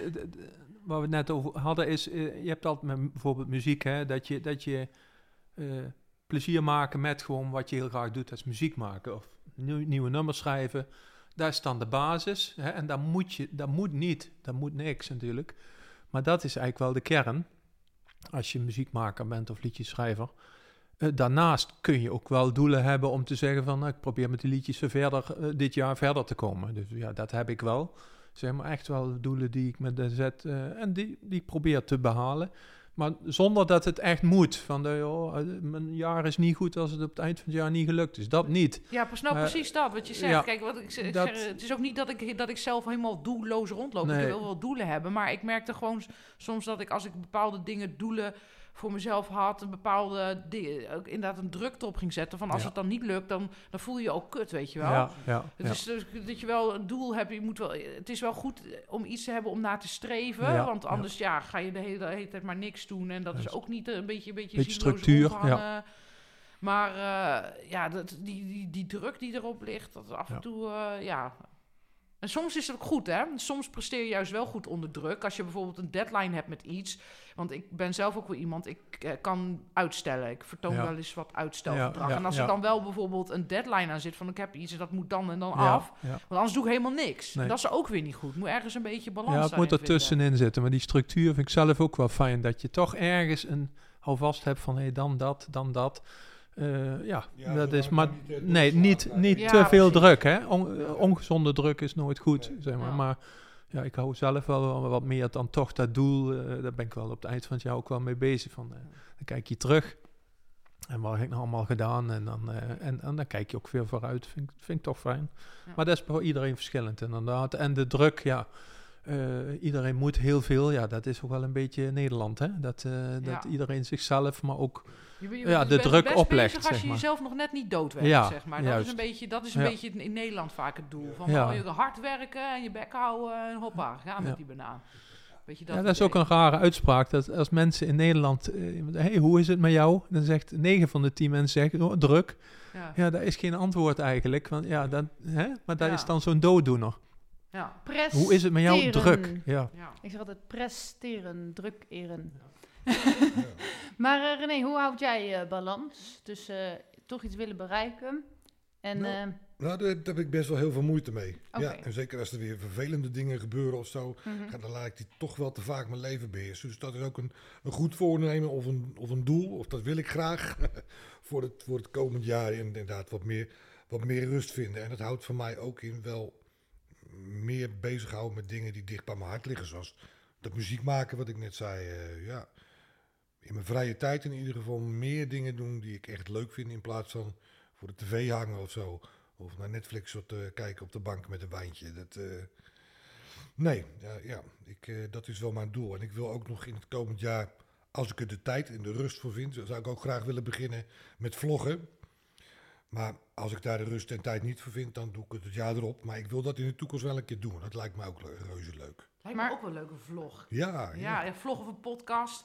Om dat zelf te doen. Ik vind alleen wel heel veel gedoe. Als ik kijk wat je er allemaal voor moet doen. Ik vind Mhm. het ook Ja, weer heel, nou ja, veel, heel veel gedoe. Een vlog kun je in aanvang heel eenvoudig houden met de camera van je. van je podcast, mobiele telefoontje Ja, nou precies. Dat Ja, mag had- vijf minuten duren, het mag een half uur duren. En het kan. Ja, nou precies. Dus Ja. voor korte vlogjes of zo, dat leek me ook wel geinig. Maar ik had ook het idee, daar had ik het nog over met mijn vriend. Ik had eh, voor een eh, podcast, dan dacht ik van, eh, dan doe ik een, een, een plotcast. Dan ga ik, want ik ben zelf, ik hou echt van films kijken en series Ja, en zo. Dan denk ik, dan ga ik een film kijken. En dan ga ik in het kort, ga ik het plot van de film vertellen. En dan eh, bij- voorkeur op een beetje een lollige, geïrriteerde, vervelende Ja, ja. manier, weet je wel. De plotcast. Maar ja. ik weet niet of dat, of dat kan, of dat dat mag of zo. Dat je gewoon plot van films, ja, dat zou ik ook niet weten. eh, Nee, op, ja. op zich is het wel een leuk idee. ja. Ja. Maar waarom wil je graag vloggen, René? Nou, dat lijkt me gewoon leuk. Ik ben graag creatief bezig, weet Mhm. je. Dus ook, en een filmpje maken ligt ervan in het verlengde. En ja, dan ga ik hem ook een beetje monteren met een muziekje erachter of zo. En eh, ja, mezelf op een aangename manier bezighouden, zeg maar. Maar goed, wat ik net al zei, het heeft nu mijn voorkeur om met muziek eh, bezig te gaan. Poëzie, gedichten schrijven, dat doe ik al en dat blijf ik doen. En altijd tussen neus en lippen door, overal. Dus eh, ja, ik ga me wel eerst even richten op muziek. Maar het vloggen, dat zit ook in mijn hoofd van, hey, dat is misschien ook wel leuk. Of gewoon tegen iedereen die zeg maar komt kijken bij jouw optredens, moet je gewoon vragen of ze je filmen. Dan ben je ook al een beetje aan het vloggen. Nou ja, precies, dat kan ook. Ja. Krijg je wel een verzamelingetje, ja. Nee, zo'n vlog kan van alles zijn. Je kan een keer een serieus praatje hebben of een dag uit je leven filmen, maar ook mijn muziek laten horen, weet je. En een gedicht eh, voordragen, kan van alles zijn. eh. Maar met muziek is ook weer lastig, want daar had ik ook nog eh, eh, over, over nagedacht. Ik had op een gegeven moment had ik, eh, had ik een platenspelertje en ik heb een hoop LP's hè, en dat vind ik leuk. En daar heb ik toen wat filmpjes van gemaakt. En toen was ook het idee, dat kwam ook een beetje bij mijn vriend van. Hij zei, doe je daar een vlogje over? Ze zeggen, Vanity draait plaatjes. Dan ga je, van, dan ga je elke, elke aflevering een plaatje draaien, daar wat over vertellen en zo. Maar dat mag dus niet zomaar, want je zit met rechten van die muziek en zo. Dus je kan niet zomaar plaatjes draaien en dat gewoon laten zien in verband met die rechten en zo. Dus dat is wel een beetje jammer. ja. Of je moet heel veel betalen. Ja, of je moet heel veel voor betalen. Ja, ja. Ja, ja, ik heb geen idee of dat nou echt heel veel geld kost of niet. Ik heb geen flauw idee. Nee. Nou, het idee is leuk wel weer, Ja. maar misschien de moeite waard om het toch uit te zoeken. Ja. Rob Ja, ik vind dat ook heel belangrijk eigenlijk. Ja, ik, ik ben liedjeschrijver, muzikant, Mhm. eh, Walinda. eh, nee. Maar eh, ik vind dat wel belangrijk, omdat eh, ja, het is toch je eigendom. Dus die rechten, ja, daar, blijkt, dat, dat- daar sta ik voor. Dat, dat, moet, dat moet naar de muzikant toe gaan. Dus ik snap dat die barrière wel gelegd wordt. Want niet iedereen kan zomaar je nummers draaien zonder daar iets voor uiteindelijk, eh, al is maar een heel klein beetje misschien voor te betalen. Want het is toch je, ja, je maakproces. Ja, Dus ik ben daar heel keen op, zeg maar, de dingen die ik zelf maak, om daar zoveel mogelijk eh, ja, je eigendom over te houden. Nou, ook Oh ja, een hele discussie als muzikant, hè, want eh, ja, eh, kom je bij een platenlabel of kom je bij een platenmaatschappij, ja, dan, dan moet je die rechten ook vaak wel een beetje afstaan, of moet je dingen gaan doen die je, die je niet wil. Ja, dat probeer ik zo, zo, zo lang mogelijk eh, van me weg te houden, omdat anders je creatief proces van je vandaan gaat. En dat is denk ik mijn grootste fout die heel veel muzikanten maken, die wel bekender willen worden, maar daardoor een deel van hun creatief proces afstoten. Dus dat is een hele mooie grote discussie, maar ik, bij mij is dat wel heel essentieel. Over eh, doelen voor 2024 gesproken. Ik heb eigenlijk vooral dat ik gewoon wil blijven. Ja, hoe zeg je dat? Ja, ik wil wel groeien, maar eh, eigenlijk doe ik al heel veel dingen zoals ik het wil. In de zin van dat ik eh, steeds gezonder ben gaan leven en bewegen. Dat ik steeds meer muziek ben gaan maken of schrijven. Of gewoon dingen die echt bij me passen. En dus ik heb wel eens jaren gehad dat ik echt fulltime ging diëten. Of fulltime voor de muziek ging of weet ik veel wat. En en ook in eh, hoe, de hoeveelheid dromen, zeg maar. Ehm, ik heb zeg maar soms een periode, dan doe ik even helemaal niks. En dan op een gegeven moment denk ik, nou, nu vind ik mezelf echt lui. En dan ga ik mezelf weer een beetje pushen. En dan krijg ik weer wat strengere regels. En op een gegeven moment ben ik weer moe. En dan zo, zo dat hoort eigenlijk gewoon. Dus dat je de ene keer weer wat strenger bent in je planning. En de andere keer alles weer een beetje los Ja, laat. ja, zo zit het hele leven in Ja. elkaar. Je moet continu eh, balanceren op het slappe koord en zorgen dat je in evenwicht blijft. Ja, maar ik en denk dat dat ik valt niet altijd mee. inmiddels wel, eh, dus ergens wel mijn- passies en alles wat ik wil heb gevonden dus dat het niet helemaal anders hoeft volgend jaar of zo. Nou ja, dan kan jouw doel zijn gewoon zo doorgaan. Ja, toch? ja dat. als jij veel veel gevoel hebt dat je op de goede weg zit. Ja. prima toch? Mooi. Ja, dus Ja. dat vind ik eigenlijk wel leuk om te zeggen. Ja, zeker. Dat is juist heel mooi eigenlijk. Hè? Ja. Dan heb je eigenlijk ook wel die balans gevonden in de dingen die je allemaal doet. Dus ja, dat is eigenlijk een mooie constatering. Hè? Ja, alleen vroeger droomde ik zo groot dat eh, ik moest eigenlijk morgen in, in de Ziggo Dome optreden, zeg maar. Zo, zo groot droomde ik. En eh, ja, wat, wat dat betreft ben ik nu misschien wel iets aardser geworden. Ehm, ja, en dan is de realiteit, hoe zeg je dat, dat valt natuurlijk toch wel tegen op die grootste dromen die je dan vroeger had of zo. Ja, maar dromen moet je hebben. Dus ik moet wel inbreken, dromen Ja? moet je hebben. Alleen sommigen willen te snel, zeg Ja. maar. Dus je moet de, de, de stappen, je moet wel de tijd nemen. En de tijd. Maar die dromen vind ik echt belangrijk. We hebben het toen ook in het podcast over gehad. Die moet je blijven hebben, vind ik. Ja, dat, het, eh, dat mag, dat mag ook. Je mag dromen. Zullen we volgend jaar optreden in de Ziggo Dome dan? Ja, wie weet. Ik had ook nooit gedacht dat ik dit jaar in Italië in, eh, in de Theater of Sanremo zou, zou zingen. Dus ja, het, het kan wel. Die dromen mag je hebben. Maar je moet ook realistisch zijn, bij de benen op de grond blijven. En gewoon kijken wat, hoe je je pad kan lopen. En soms duurt dat wat langer en soms duurt, gaat dat wat sneller. Maar meestal dan overkomt het je en dan, dan denk je, huh, wat gebeurt er nou? Wat, maar wat dromen betreft, met mijn podcastgasten zijn mijn dromen eigenlijk al wel uitgekomen. Hè? Dat ik dus en Patrick Kikke en Giel Belen en Edwin Selij in mijn podcast had. En Rob. Nee, nee, hij stond niet op mijn lijstje, maar dat ik wel echt eh, bekendere namen in mijn podcast had. Dat, eh, ja, dat was, ben ik eigenlijk ook wel verbaasd over dat me dat is gelukt, zeg maar. Ja, tof. Eh, heeft er nog iemand een onderwerp? ja, jij? Ja? Doe het stil. Eh, Oh ja, nou, ik heb wel even wat. eh, Jij zegt, René, jij, zegt jij, jij komt uit Leiden, hè? Ja. En ik ben een poosje terug ben ik eh, een keer eh, naar Leiden geweest, maar dat vond ik wel echt een hele leuke stad. Ja, nou ja, maar heb je het met name over het centrum, denk ik. Mooie oude ja, binnenstad. Ja, ja. Ik, Ja, ja, ik, de rest van Leiden, ja. ik niet- ja, je, gaat- ik ga naar het centrum, maar ik vond het centrum heel leuk. En, en ik ben naar Naturalis geweest. Ja, mooi. Zo, dat vond ik echt gaaf. En ik Ja, ben dat echt... is leuker dan het Louvre, hè? Hè? Leuker ja, als Louvre, ja, dat hè? vond ik echt ja, serieus. Veel Ja. toffer dan het Louvre. En, Ja, dat is mooi. en dus hebben ze natuurlijk ook allemaal van die dinosaurusskeletten en zo. En ik ben Ja. van kinds af aan al gek van Oké, dinosaurussen. dus jou is helemaal op je plek. Ik was helemaal, joh, ik, was, ik, moest, ik ben volwassen, ik ben bijna 40, ik moest bijna huilen. Hè? Ik zag de echt, dino, echte dinosaurusskeletten. Ja, ik stond er niet echt te huilen, maar ik kreeg wel een brok in mijn keel. Ja. En dan mocht ik een trice- triceratopsbot mocht ik vasthouden. Nou, ik kon me bijna opvegen, joh. Dat vond ik zo gaaf. ja, dat snap en ik. dat is allemaal ja. Leiden, jongen. Maar Leiden is sowieso een mooie ja, stad met een middeleeuws karakter nog steeds. Ja, heel mooi. ik ben er ja. op mijn achtste weg gegaan en ik heb altijd een soort van heimwee. Ik moet een paar keer per jaar er naartoe, weet je wel. Sna, sna, kan ik me voorstellen. Kijk, ik kom er zelf niet na- naartoe, maar ik ben er één keer geweest en ik zei vlak daarna of zullen we er binnenkort nog een keer heen gaan. Ik vond het zo leuk. het is ook een vrij rustige stad. Er is weinig gedoe en ellende en zo. En, eh, ik zou er wel weer willen wonen, maar dan alleen in de binnenstad. In een grachtenpandje wat ik toch niet kan betalen. Dus het komt er niet van. Maar dat zou ik wel, dat dat zou ik wel heel mooi vinden. Ja, snap ik. Komt, komt daar dan die uitspraak vandaan, leven is lijden? Of is dat eh, een andere? hey, ik heb ook nog wat te zeggen over Leiden. Mijn voorouders waren dus heel, echt heel ver voorouders, zeg maar. Die schijnen dus heel rijk te zijn geweest. En die hebben dus Leiden gesticht. Waarschijnlijk niet in hun eentje. Maar dat waren Oh. een van de grondleggers van Leiden. Oh, oké. Ja, dus dat is leuk wel... om een keer wat over op te zoeken dan. Ja, Ja, ja. ehm, dus het heet de Stenenveld, mijn, mijn moeders kant, zeg maar. En die hebben dus het Stenenveldpark. Daar, daar kan je nog steeds vinden. Alleen, het, het is helemaal niks te doen. Er staat alleen een bordje Stenenveldpark en is gewoon een woonwijk. En, en vroeger was er dus ook een eh huizen. Stenenveld, was een soort kasteel of zo. Dat was dus van mijn voorvaderen. En eh, er is nog een of ander pleintje wat er ook bij hoorde, maar dat weet ik even niet meer. En ergens hangt nog een schilderij van een van de familieleden van mijn voorvaderen. Dus ik ben al een keer op onderzoek Ja. geweest. Ja. Dus als je denkt, Leiden is cool, dat komt door mijn voorvader. ja, zeker. Bedankt, bedankt Galinda. natuurlijk, Het natuurlijk. is wel grappig dat jullie erover beginnen in mijn podcast. Nee. Ja. Ehm, ja, ik denk dat we de meeste dingen hebben besproken. Of zijn er nog dingen dat je zegt, ik wil eh, mijn podcast top 100 of mijn favoriete films van het jaar of mijn favoriete boek van het jaar. Oeh, ik heb gisteren, nou, fa- favoriet film. Ik ben gisteren toevallig naar eh, die Wonka, Willy Wonka film geweest.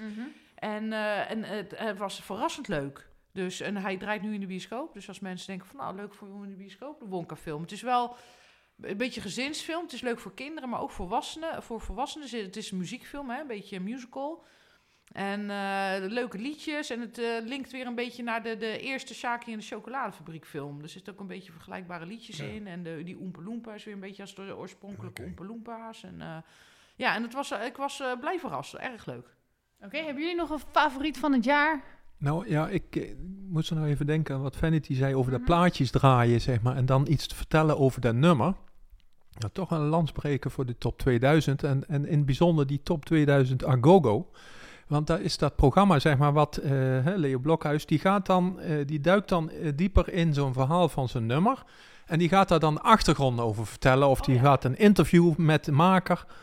En die komt dan in alle landen van tevoren om dan met die makers te gaan praten. En eh, zo vertelde hij ook over eh, Driving Home from Christmas van Chris Ria. Hoe dat nummer ontstaan is, zeg maar. Nou, ik vind dat dan, dan krijgt dat nummer nog meer betekenis. Als je het dan een mooi nummer vindt, door die achtergrondverhaal van hoe zo'n nummer ontstaan is. En vaak toeval, hè, dat dat, dat eh, één regel geschreven is. Dat was bij Driving Home from Christmas ook. Jarenlang in de kast gelegen, dat ene briefje met die ene regel. En later werd dat dan een grote hit door omstandigheden. Ik vind het prachtig. Ik vind het prachtig dat je dan zo'n nummer hoort waar je al of niet een gevoel bij hebt. En door dat verhaal nog sterker kan. Dus ik kan helemaal begrijpen, Vanity, dat je dat zou, heel graag zou willen door. Want de mensen die, die, die houden daarvan. Om iets meer te weten van zo'n nummer als ze zo'n nummer mooi vinden. Want wil je dan ook echt helemaal die achtergrond van elk plaatje uit gaan leggen eigenlijk? Nou ja, dat was wel het idee. Het was Oh ja. een beetje een idee van eh, de rij plaatjes en dan kies ik elke keer een, een plaat uit. En dat kan een singeltje zijn of, of een kant van, met, een- met een aantal nummers of zo. En dan inderdaad een beetje achtergrondinformatie over, de, over de artiest en over het specifieke liedje of een leuk weetje. En dan wel op een beetje een luchtige wijze, dat je wel ge- geïnformeerd wordt, maar dat het ook leuk is. Dat het niet een stoffig eh, gebeuren wordt, zeg maar. Ja, dat, dat idee was het een beetje. Misschien moet je bij de radio gaan werken. Nou, ik ben wel binnenkort weer op de radio. Ik ben nu in de podcast en ik ben binnenkort ook weer op de radio te horen. Bij eh, Harry. bij- klopt, bij Harry. Daar ben jij ook de gast eh, geweest. Ja. Dus eh is een he- hele... Ede FM. Ede FM, inderdaad. Het is heel leuk eh, bij App- Appassionata.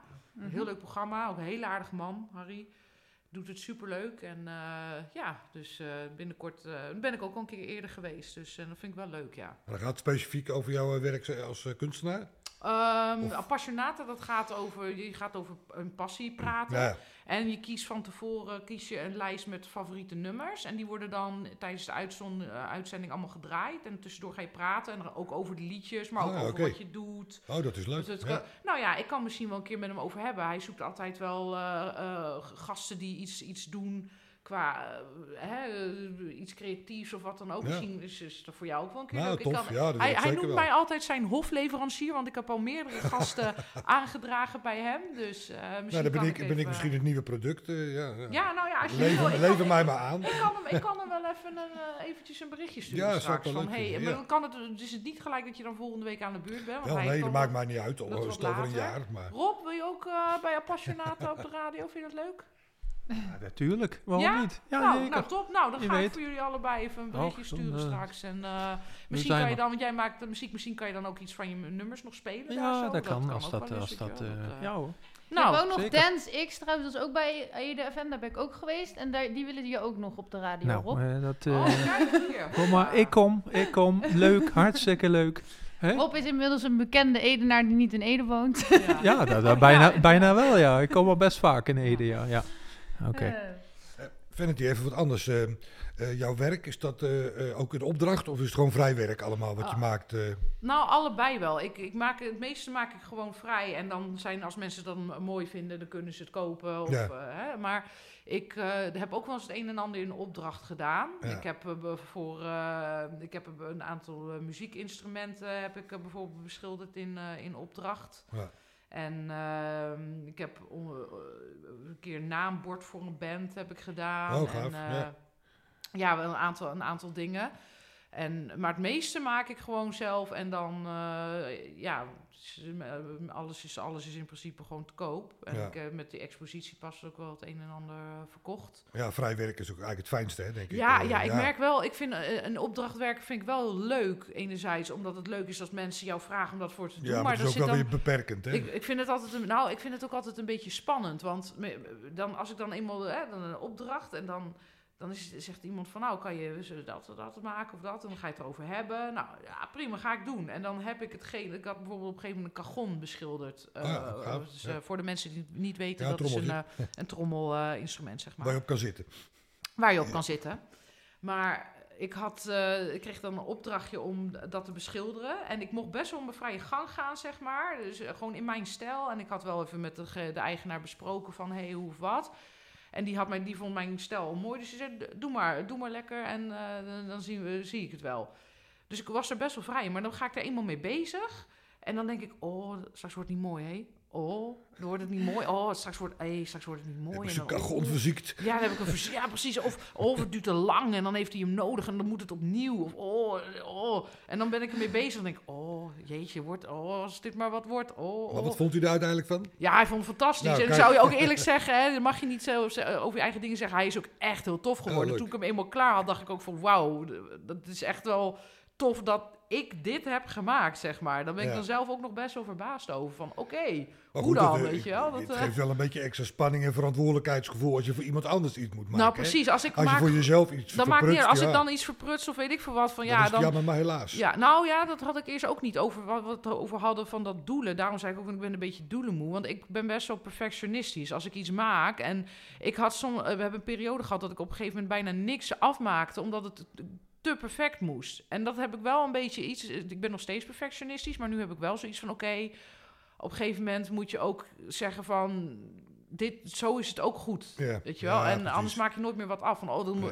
En ik maak hele fijne, gedetailleerde dingen. Dit Ja. sowieso, heel veel mensen geloven niet eens dat ik het zelf teken. Die denken dat ik dat eh, een printje maak of weet ik veel wat. Terwijl ik maak dat gewoon echt zelf. En eh, ja, dus ik heb dat wel losgelaten. Ook nu als ik bijvoorbeeld eh, een foutje maak, dan los ik dat op een creatieve manier weer op bijvoorbeeld. Het enige wat ik nog wel heb, als het dan iets bijna klaar is en het begint echt iets te worden, dat ik denk van oké, nou is het echt bijna klaar, dan vind ik het wel weer spannend van, oh, als ik nou een foutje maak, dan eh, Ja, ja. Rob wil iets zeggen en ik denk Nou dat... ja, ik, Ja. Ik, ja, ik heb al een paar dingen gezien, ook onder andere een gitaar die jij... eh, ja. daar was ik helemaal weg van. Dus ja, ik heb volgens mij al meteen aan jou gevraagd, kun je een keer een van mijn gitaren hè, eh, kunst eh, opmaken? En toen zei je al van, ja, maar dat is een opdracht. Oeh, weet- Ja, nee, maar dat oh, zou ik heel graag willen, want eh, dat is zo mooi. Want dan heb je ook doen. echt iets unieks, hè? Maar dat, dat hoeft niet morgen, maar dat nee, komt nee, een nee, keer. nee, wil, wil ik ook graag doen. En het is ook niet dat ik, hoe ik het nu vertel, dat ik het niet leuk vind. Hè? Want ik vind het wel leuk, maar het is even een combinatie met de spanning. Ik vertelde nu alleen de spanningkant. Het is natuurlijk superleuk dat iemand jou met zijn instrument, want dat is een heel persoonlijk iets Ja, vaak. dat is heel van, persoonlijk, ik geef jou mijn instrument, maak daar wat op. Ja. Dus dat is wel heel erg tof. En als het dan eenmaal klaar is en het wordt wat moois, bijvoorbeeld die gitaar die jij hebt gezien, die is van mijn vriend.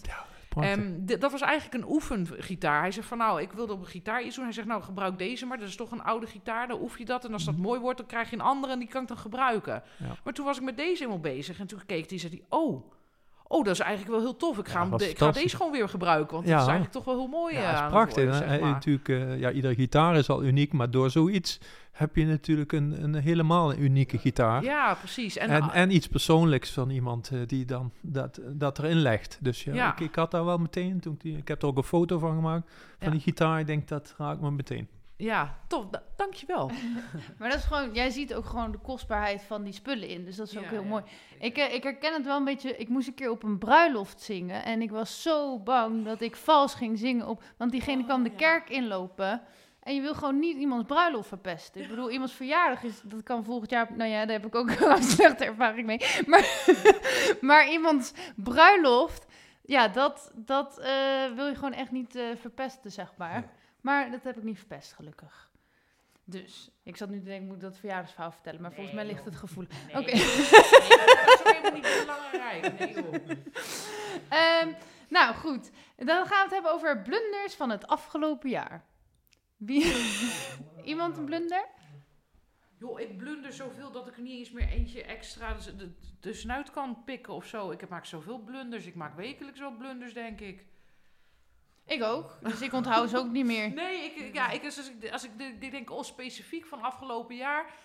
Ja, ik ben op een gegeven moment, eh, dat, ja, dat is- ik weet niet eens of je dat een blunder kan noemen. Ik ben gigantisch op mijn bek gegaan, letterlijk.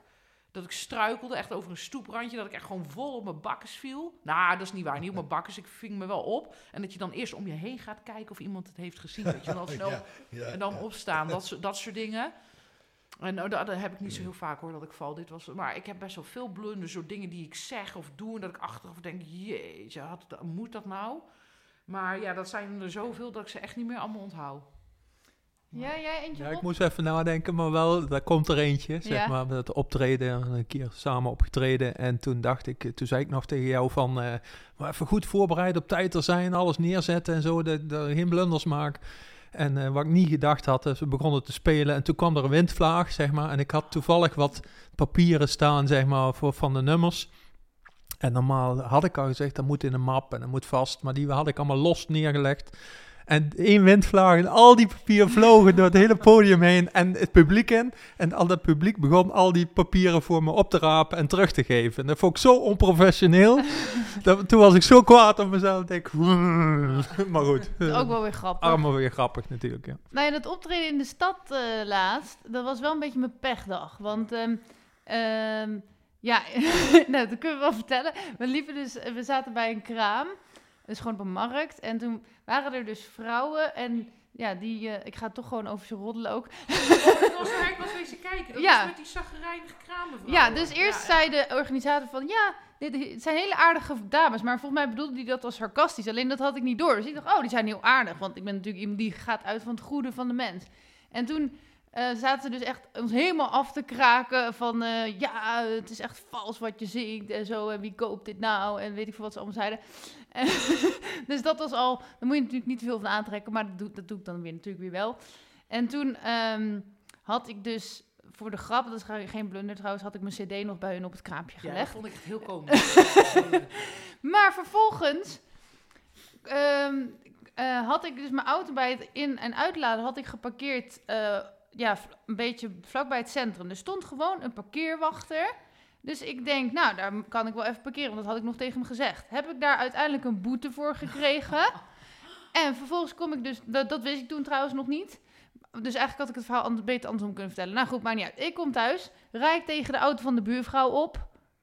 Oh, dit is mijn moeder nog niet. Sorry, mam. Maar ja, dat vindt ze niet leuk. Maar het is mijn auto. Ehm, maar de schade viel mee hoor. Maar wel een klein beetje schade, zeg maar. En toen kwam, ik- kreeg ik dus ook nog die boete dat ik daar fout stond geparkeerd. Ja, dat was niet Dat echt je mijn... zo'n Murphy's Law, dat dan Ja. alles achter elkaar verkeerd gaat, Ja, hè? en nu Ja, ben ja, ik ook ja. al in hoger beroep gegaan, maar daar zijn ze ook tegen ingegaan. Oh, maar ik dat ben nu echt- nog een keer in hoger beroep. Goed zo. Goed zo. Kijk, met, dat soort dingen heb ik wel. Want ik zei van, oh, met doelen en druk, maar met dat soort dingen, met onrecht. En dit is ook al, het is niet onrecht zoals eh, wat er in oorlog gebeurt, maar toch onrecht. En dan moet je gewoon, daar moet je voor blijven vechten, weet je. Gewoon, eh, nee, dat is goed. Ja, Pak maar ze. ik stond er dus alleen even voor het in- en uitladen geparkeerd trouwens. Dus, en daarna ben ik weer En dat weggegaan. mag ook gewoon, Met hè. Je mag knipperlicht. toch gewoon laden en lossen. Nou, ik mocht daar blijkbaar niet staan van de, van de officier Terwijl van je, het, justitie. terwijl je het gewoon ook nog netjes hebt gezegd. Ja, maar goed, diegene in dat hesje is misschien niet een heel belangrijk iemand. Dus dan mag je daar dan niet op vertrouwen, zeg maar. Ja. Ja. Heb jij nog een blunder, René? Ik vind een blunder helemaal geen goed woord eigenlijk. Nee, ik vind dat iets typisch Nederlands, weet je. Ja, in ieder mensenleven gaan, gaan dingen mis. Bij mij zijn er dit jaar heel veel dingen niet gegaan zoals ik graag gewild had. Maar dat kan, dat kan gebeuren. Maar ik vind het iets typisch Nederlands, dat dat zo beschuldigende, ook naar jezelf toe. Wel een blunder en dit en dat. Om een voorbeeldje te geven, in heel veel eh, landen in het buitenland, als je daar een tentamen maakt en je hebt een negen, dan zeggen ze je hebt er negen goed. In Nederland zeggen ze je hebt er één fout. Ja. Snap je? Altijd dat, dat beschuldigen en, eh, naar jezelf toe. En mensen maken fouten of er gaan dingen fout. En echte blunders, nee, er zijn een hoop dingen, te veel dingen niet gegaan zoals ik wilde. Maar ja, gaan we volgend jaar proberen anders te doen. Ja. Ja, Ik, zie, een beetje, be- ik, snap, ik snap wat je bedoelt. En ben ik eh, op zich ook wel met je eens. Maar ik zie met blunder, het woord blunder, heb ik altijd juist een beetje dingen voor me die niet goed zijn gegaan. Maar wel een beetje met een komische noot. Ja, die heel grappig Ja, zijn. Die eigenlijk ja, niet dat je op dat moment denkt van, oh, ik kan mezelf wel voor mijn kop slaan. Maar Ja. achteraf een grappig verhaal is. En dan heb ik niet over de hele serieuze dingen. Maar net zoals dat ik struikel over een stoeprandje. Of dat, ja precies. dat ik ja. bijvoorbeeld een keer op, eh, uit ben gegaan dat ik een jurkje aan heb. Dat ik dan bijvoorbeeld die jurk achter in mijn panty prop. Dat ik de hele avond gewoon met mijn jurk in mijn panty rondloop. En dat ik niet door heb. Nou ja, zo zie je maar hoe je een woord verschillend kunt interpreteren. Bij mij roept het Ja. door blunder iets heel negatiefs op. eh. Hm. Ja, oh ja. Ja, nee, goed, ik, het Heb je nog een grappig verhaal van iets wat net niet ging zoals je wilde? Nee, ik heb geen grappig verhaal over. Nee. Ah. Eén verhaal, dat Ja. komt toch weer op dat Parijs uit.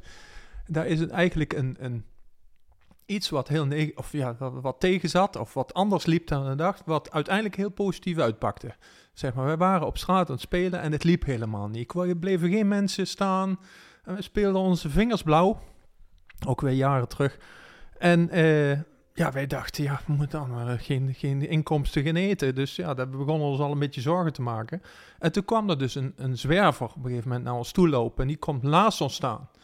En, en een van de, we waren met z'n drie op dat moment aan het spelen. En eentje die had daar zoiets van een move. Want die dacht van, ja, daar ik word beroofd of weet ik wat. Maar goed, we hadden toch niks. Dus. Maar eh, die ging dus naast ze staan. En op een gegeven moment had hij een nummer wat hij van ons leuk vond. Dus die begon daarop te bewegen. En die begon een beetje te bewegen. En toen bleef er dus op een gegeven moment één persoon staan. En twee personen staan. En toen zag hij van, hé, hey, ik krijg de aandacht. En toen ging hij steeds gekker doen. Zijn kunstgebit uit en, al die dingen. Binnen kortste keer stonden er drie, vier rijen dik. Iedereen bleef staan en dachten dat die act een onderdeel was van ons spelen. Nou, wij hadden daar een hoed neergezet. Ik heb nooit zo'n volle hoed met munten, eh, munten gehad. We konden daar eh, een hele week van eten, zeg maar. Dus eh, soms is het ook wel zoiets wat, wat, wat heel apart is, zeg maar, dat dat in één keer heel positief kan draaien. Vond ik wel leuk om te vertellen. Heb je, want je had een vo- volle hoed, heb je het met die meneer gedeeld?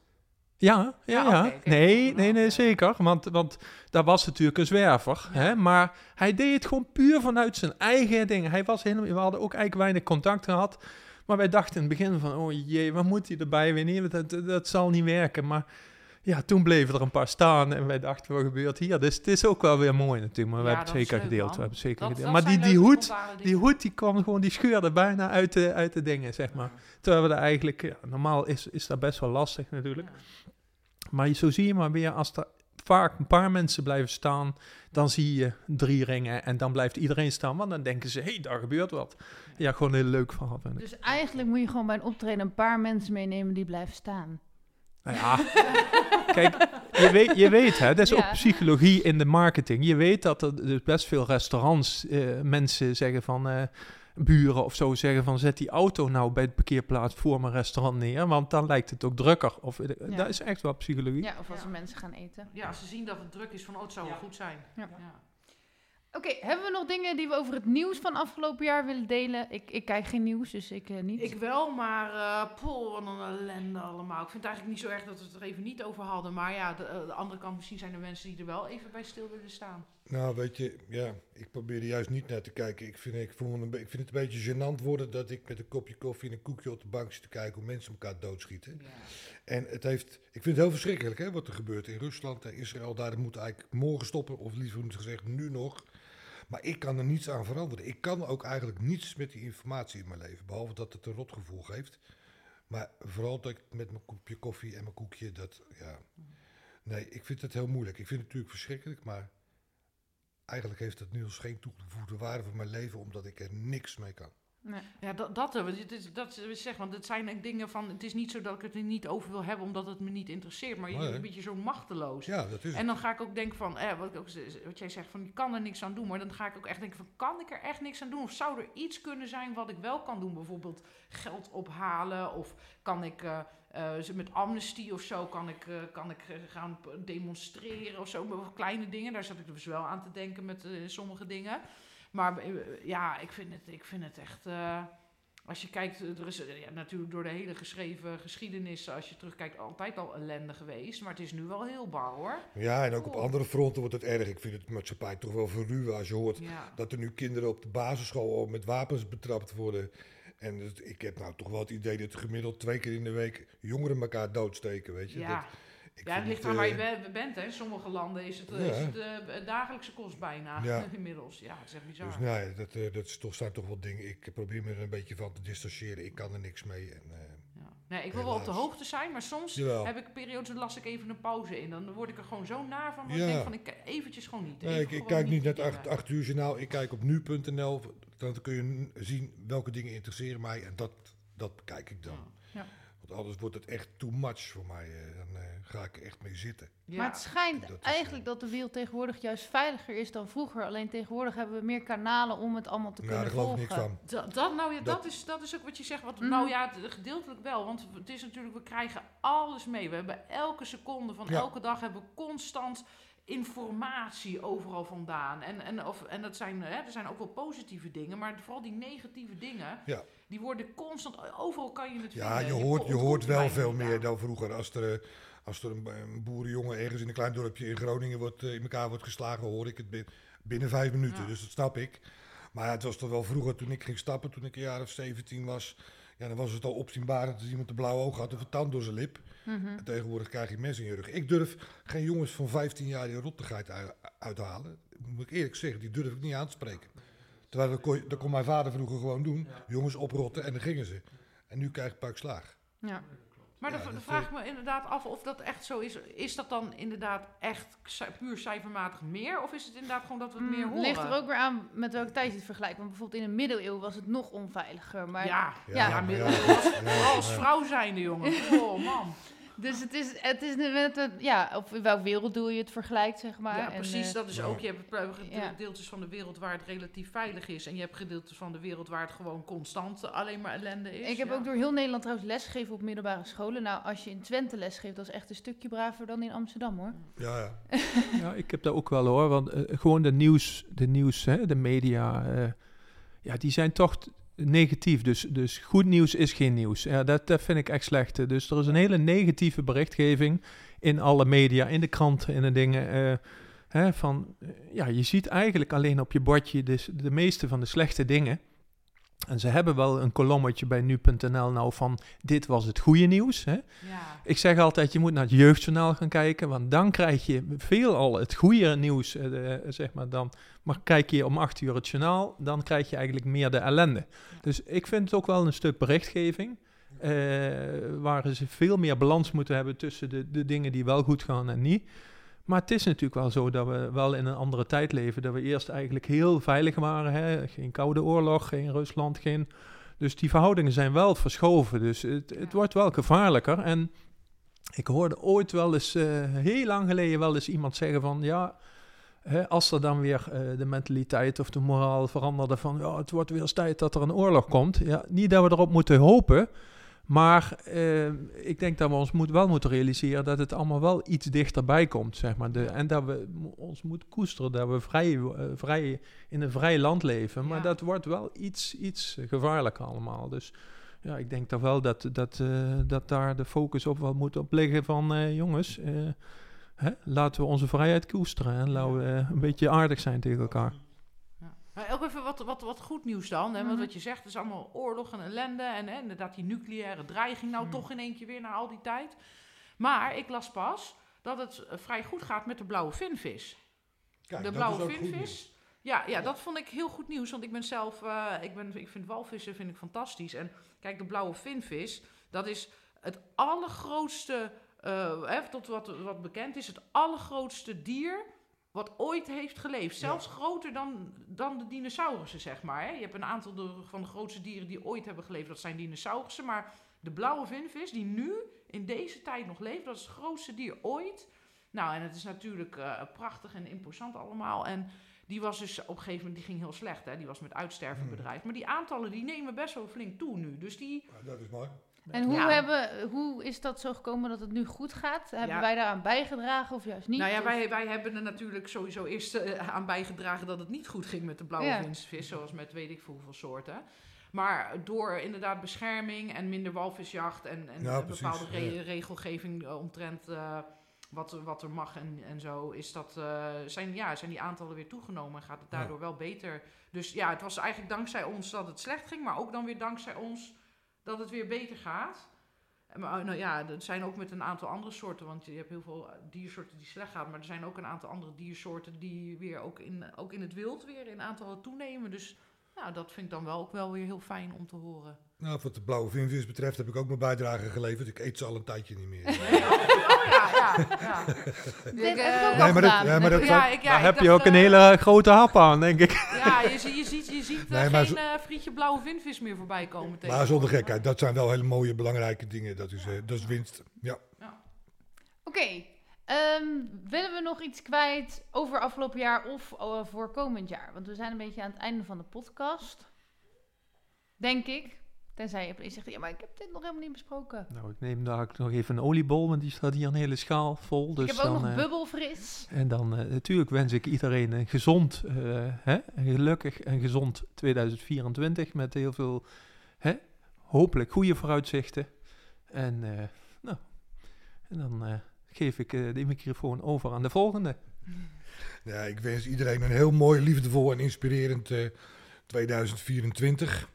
En ik wil nog even één dingetje noemen wat voor mij ook wel belangrijk is geweest dit jaar. Mhm. Ehm, er is een, eh, een, een Nederlandse zak, maar ik denk dat jij hem kent, Bert of Link, Die ken je wel, hè? Nou, die heeft een documentaire gemaakt, Bluefinger, in Amerika, waarin hij met zijn favoriete, favoriete muzikanten opnames heeft gemaakt.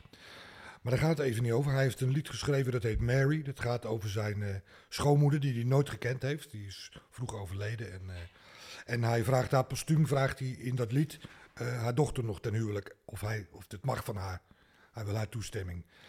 En als ik dat liedje ga luisteren, heb ik bijna elk woord hetzelfde meegemaakt met mijn vriendin. Met haar moeder is ook vroeg overleden. Mm. En ik vond die, zijn documentaire vond ik behoorlijk indrukwekkend. En zijn muzikaliteit zeker. Dus ik heb dat liedje vertaald op mijn manier naar het Nederlands, mijn situatie. En dat heb ik hem toegestuurd en dat vond hij erg leuk. Hij was erdoor geraakt en eh, ik vond dat wel bijzonder. Maar Ja. wacht even, is dat een Nederlandse man? Het is een Nederlander, ja, Bert of Lentink. Ja. Eh, hij zingt in het Engels, het is oh, country, zo. Maar het country dus bluegrass wat hij Ja, speelt. Ja. leuk. Dus ik heb het naar het Nederlands vertaald, omdat ik het bijzonder vond. Dat het verhaal van het liedje eigenlijk, dat ik dat eigenlijk bijna helemaal, bijna één op één hetzelfde heb meegemaakt. Dus eh, ja, ja, dus, nou, dat wou ik nog even kwijt. Maar dus verder een gelukkig 2024 voor iedereen. Oké, jij nog eh, wensen of dingen die je... Eh, ja, ja eh, nou ja, hè, ook voor iedereen een eh, fijn, eh, gelukkig en eh, zo mogelijk eh, gezond nieuwjaar. Ja, en voor mezelf, hè, ik- we hadden het net over doelen en dromen natuurlijk. Ik heb wel eh, wat dromen en wat doelen zonder te veel druk, zeg maar. En, eh, maar ja, het belangrijkste is gewoon dat, je, dat iedereen om je heen en eh, je dierbaren gewoon... Het is heel cliché om te zeggen, maar het is wel zo dat iedereen het gewoon fijn heeft... en dat, eh, dat iedereen gelukkig en gezond is. En dat je gewoon lekker samen dingen kan blijven doen en zo. Hè? Dat is eh, het allerbelangrijkste, denk ik. Ik ga nog even reclame voor jullie maken. Eh, ik stel voor dat ik al jullie eh, websites of social media kanalen gewoon weer onder het bericht zet van, bij de podcast. Dus als je een van deze mensen toch heel graag nog wil spreken of iets wil vragen of ergens eh, voor wil vragen, kan je hun contactgegevens vinden onder bij het bericht bij de podcast. Ehm, dus zoek je een singer-songwriter op gitaar die eigen liedjes maakt of op een of andere manier, op een andere manier, dan kan je dus Rob vragen. Eh, zoek je een dichter of ook singer-songwriter op piano, dan hebben we René. Of zo, ja, en ook nog voor uitvaarten. dat klinkt een beetje raar, de combinatie. Maar hij is ook uitvaart. Zoek je nog iemand voor je uitvaart? ja, het kan wel natuurlijk. Maar goed, hij is ook eh, begrafenisondernemer, zo mag je het zeggen. hè? Ja. Ehm, heb ik al zo genoeg gezegd of heb je nog meer dingen waar ze je voor kunnen vragen, René? Nee, nou, ik vind het belangrijkste dat Ja, we kunnen je horen. belangrijkste is een stukje over muziek en dichten en eh, voor de rest adverteer ik in de krant. En nou ja, goed, je mag het erbij zetten, maar Ja. dat vind ik het leukste in ieder geval. En zoek je een kunstenares die bijvoorbeeld je gitaar heel mooi kan maken, of je djembe, maar ook schilderijen. Of iemand, eh, heb je nog een plekje bij de radio voor haar, dan eh, kun je dus berichten sturen naar hun social media pagina's of websites die ik straks eronder vermeld. Je kan ook gewoon een berichtje naar mij sturen en dan verbind ik je aan hun door. Nou, ik wens ook iedereen een super fijn 2024. Bedankt dat jullie dit jaar te gast waren en vandaag weer. En bedankt voor de luisteraars dat jullie hebben geluisterd. Dit was het. Eh, ja, ik ga. Oh ja, we moeten op het eind altijd nog een quote. Heeft iemand nog een leuke quote? Niet allemaal tegelijk. Een quote. Ja, jij bent een dichter, René. Het leven heeft geen zin, maar ik wel.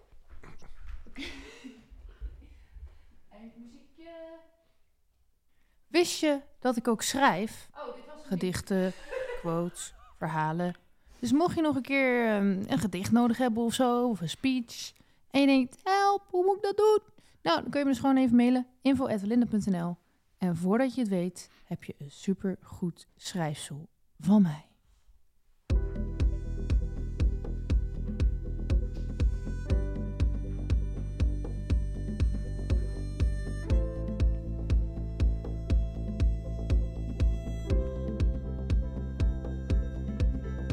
Meer weten? Ga naar belinda.nl of volg mij op Facebook en Instagram.